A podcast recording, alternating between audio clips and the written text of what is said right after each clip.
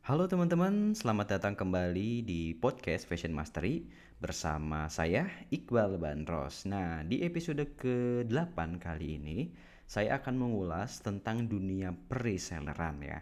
Karena akhir-akhir ini saya cukup banyak mendapatkan iklan eh, cara mengelola reseller atau cara merekrut reseller atau meningkat meningkatkan omset dengan reseller. Nah, ini juga uh, salah satu bidang saya ya di bandros.co.id.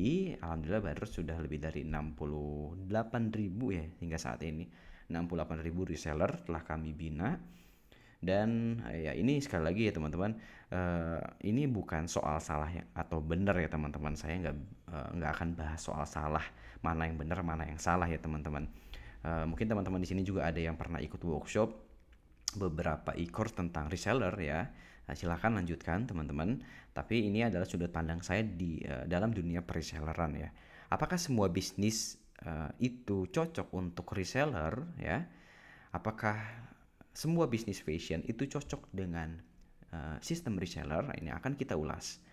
Oke, okay. reseller itu adalah salah satu sistem distribusi ya salah satu karena sistem distribusi itu sangat banyak. Uh, franchise pun salah satunya adalah sistem distribusi. Uh, eh, MLM pun itu juga merupakan salah satu sistem distribusi gitu ya. Nah, uh, konsep dasarnya ya tujuan distribusi itu adalah kan menyampaikan atau mendekatkan produk kita ke target market kita gitu ya. Atau simpelnya bagaimana caranya kita memudahkan pelanggan beli produk kita. Oke, kita sebagai brand owner kita membutuhkan perpanjangan tangan atau mitra supaya para konsumen itu lebih mudah mendapatkan produk kita melalui para mitra-mitra kita. Nah, salah satunya adalah reseller ya. Oke, ini menarik karena memang reseller itu uh, salah satu metode uh, supaya kita uh, mudah menggunakan faktor kali gitu ya. Kalau misalkan kita punya target 30 juta ya, 30 juta sebulan, Berarti kita punya target 1 juta per hari. Nah, 1 juta per hari itu bagaimana kita caranya nih dapat 1 juta per hari? Yaitu misalkan cukup menjual 10 produk dengan harga 100 ribu gitu ya. Nah, itu adalah faktor kali. Nah, daripada kita jualan sendiri, lebih baik kita memanfaatkan atau e, memberikan peluang kepada para reseller-reseller itu untuk bantu menjualkan gitu ya. Konsumen konsumen mendapatkan uh, benefit ya karena lebih cepat dapat barangnya reseller dapat insentif gitu ya intinya. Nah seperti itu. Nah apakah balik lagi nih apakah uh, cocok semua bisnis fashion itu di resellerkan nah oke. Okay. nah menurut pengalaman saya uh, ini adalah tergantung dari uh, budget si reseller tersebut dan tergantung dari harga produknya teman-teman ya. Terus juga yang kedua adalah tergantung dari uh, bagaimana cara konsumen mendapatkan produknya teman-teman.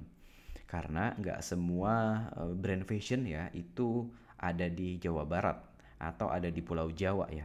Uh, ada juga mungkin brand fashion yang saat ini kantornya ya uh, kantor utamanya adalah di Papua. Bayangin jualan fashion di Papua konsumennya di Jakarta harga fashionnya 120 ribu ongkos kirimnya 80 ribu ya. Nah kebayang nggak sih kalau uh, istilahnya jualan online seperti itu gitu? Apakah ada konsumen yang pengen beli? Mungkin ada ya. Karena setiap bisnis punya pengecualian ya.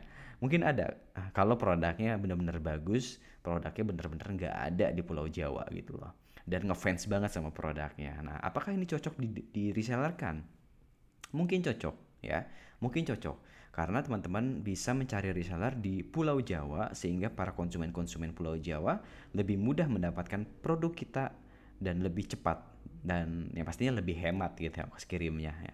Apakah eh, apakah itu uh, cocok? Mungkin cocok teman-teman ya. Ya mungkin ya sangat cocok gitu ya. Cari reseller di Pulau Jawa kalau misalkan teman-teman uh, di luar Pulau Jawa karena menurut data uh, di kami juga di Bandros itu 60% lebih transaksi masih di daerah Pulau Jawa gitu ya. Oke, terus yang ke yang yang pertama tadi adalah tergantung dari budget atau harga produk ya. Bayangin teman-teman kalau punya uh, kalau produk teman-teman harganya 3 juta sampai 5 juta gitu ya. Maka yang jadi pertanyaan adalah seberapa tajir si reseller tersebut untuk nyetok produk teman-teman gitu ya. Uh, harga produk teman-teman satu juta. Berarti kalau budgetnya 10 juta, cuman bisa nyetok 10 piece aja.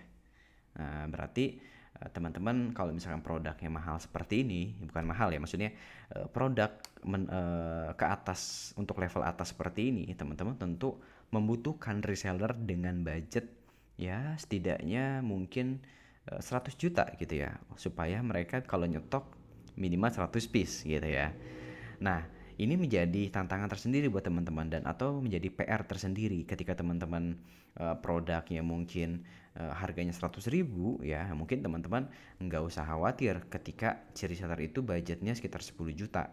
Atau uh, teman-teman mencari reseller dengan budget 10 juta nggak terlalu sulit gitu ya. Beda lagi kalau produk teman-teman sedikit lebih mahal maka teman-teman tantangan tersendiri mencari reseller dengan budget minimal ya dengan budget minimal yang cukup besar gitu loh Nah, gimana cocoknya nih untuk produk-produk yang mahal seperti ini gitu ya? Ya nggak nggak nggak semua teman-teman paksakan harus di reseller kan gitu ya. Teman-teman bisa istilahnya menitipkan di butik-butik terkenal misalkan atau di istilahnya di pameran-pameran, di fashion show gitu ya. Nah, itu juga bisa teman-teman, nggak harus ke reseller. Bukan berarti teman-teman sudah me, apa mengikuti workshop tentang reseller ya teman-teman memaksakan uh, ke dunia preselleran gitu ya. Jadi nggak semua cocok untuk uh, bisnis reseller. Nah, bagaimana dengan dropship? Nah, dropship relatif lebih mudah ya teman-teman karena sistem dropship ini nggak perlu modal. Si yang yang dulunya reseller itu harus nyetok barang. Nah, kalau dropship nggak perlu stok barang. Dia cuma butuh uh, untuk uh, istilahnya sharing foto aja ya. Tapi tantangan tersendiri untuk yang dropship ini, teman-teman akan ada kejadian di mana dropshipper ini seperti jelangkung gitu ya, datang nggak dijemput, pulang nggak diantar gitu. Maka butuh uh, sistem istilahnya di mana teman-teman bisa mengikat atau menaikkan loyalitas si dropshipper tersebut. Nah, seperti itu ya. Nah, ada juga sebenarnya solusi pergudangan atau solusi stokis stokis sebenarnya kayak reseller sih atau pergudangan lah ya. Kalau teman-teman enggak uh, kalau teman-teman memilih enggak menggunakan reseller tapi teman-teman ingin lebih mendekatkan barang teman-teman ke pelanggan teman-teman teman-teman bisa uh, sewa gudang di uh, lokasi terdekat konsumennya teman-teman. Misalkan teman-teman uh, cek data penjualan ternyata terbanyak itu ada di Bandung gitu ya. Teman-teman bisa menyewa Eh, gudang-gudang di daerah Bandung atau di daerah Jakarta sehingga ketika konsumen teman-teman beli di daerah Bandung ongkos kirim lebih murah dibandingkan teman-teman yang harus kirim dari misalkan Sulawesi atau dari Kalimantan atau dari Papua gitu ya. Nah jadi uh, sistem distribusi ini sangat-sangat banyak ya teman-teman. Nggak semua cocok untuk uh, reseller, nggak semua cocok mungkin di pergudangan gitu ya. Nggak semua cocok mungkin di dropship. Nah ini tergantung dari customer journey-nya teman-teman ya. Uh, istilahnya uh, lokasi teman uh, lokasi konsumennya teman-teman itu ada di mana gitu kan. Uh, kemudian seberapa lama sih uh, konsumen teman-teman itu repeat order gitu kan. Kemudian istilahnya uh, lokasi si konsumen itu ada di mana ini teman-teman harus harus pikirkan gitu ya teman-teman. Jadi setelah teman-teman mendapatkan data-data uh, tersebut ya teman-teman bisa menentukan uh, solusi distribusi yang cocok untuk produknya teman-teman ya. Nah sekali lagi cocok nggak cocok ini nggak bisa digeneralisir teman-teman ya. Tentu ini ada pengecualian. Misalkan kok itu bisa kok uh, fans harga produknya satu juta uh, open reseller juga kok gitu ya. Itu bisa kok brand kompas gitu ya. Harga 500 ribu banyak juga reseller yang ngantri. Nah ini pengecualian teman-teman. Pengecualian. Pengecualian dalam arti ya itu brand tersebut adalah brand yang sudah terkenal brand yang demandnya lagi naik gitu ya brand ya mungkin lagi viral sehingga uh, orang para reseller itu berbondong-bondong mencari uh, baik itu reseller yang budgetnya mungkin kecil maupun budget yang besar nah seperti itu teman-teman oke okay. Uh, mungkin uh, teman-teman mendapatkan benang merahnya ya semoga ya karena uh, mohon maaf kalau pembahasannya agak melebar Mudah-mudahan bermanfaat ya podcast kali ini. Terima kasih, sampai jumpa di podcast selanjutnya. Assalamualaikum warahmatullahi wabarakatuh.